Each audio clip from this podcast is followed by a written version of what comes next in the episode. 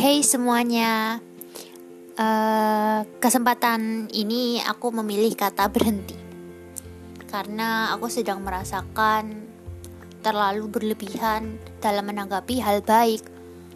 Jadi, hmm, kayaknya aku perlu berhenti untuk ya itu tadi menerima hal-hal baik. Maksudnya, hmm, gimana ya? Tidak berlebihan. Karena ya kita tahulah berlebihan itu nggak baik. Berlebihan dalam menanggapi hal baik maupun berlebihan dalam hmm, menanggapi hal yang sedih. Jadi aku mau berhenti berhenti sejenak. Berhenti sejenak ini juga merupakan kejujuranku pada diriku.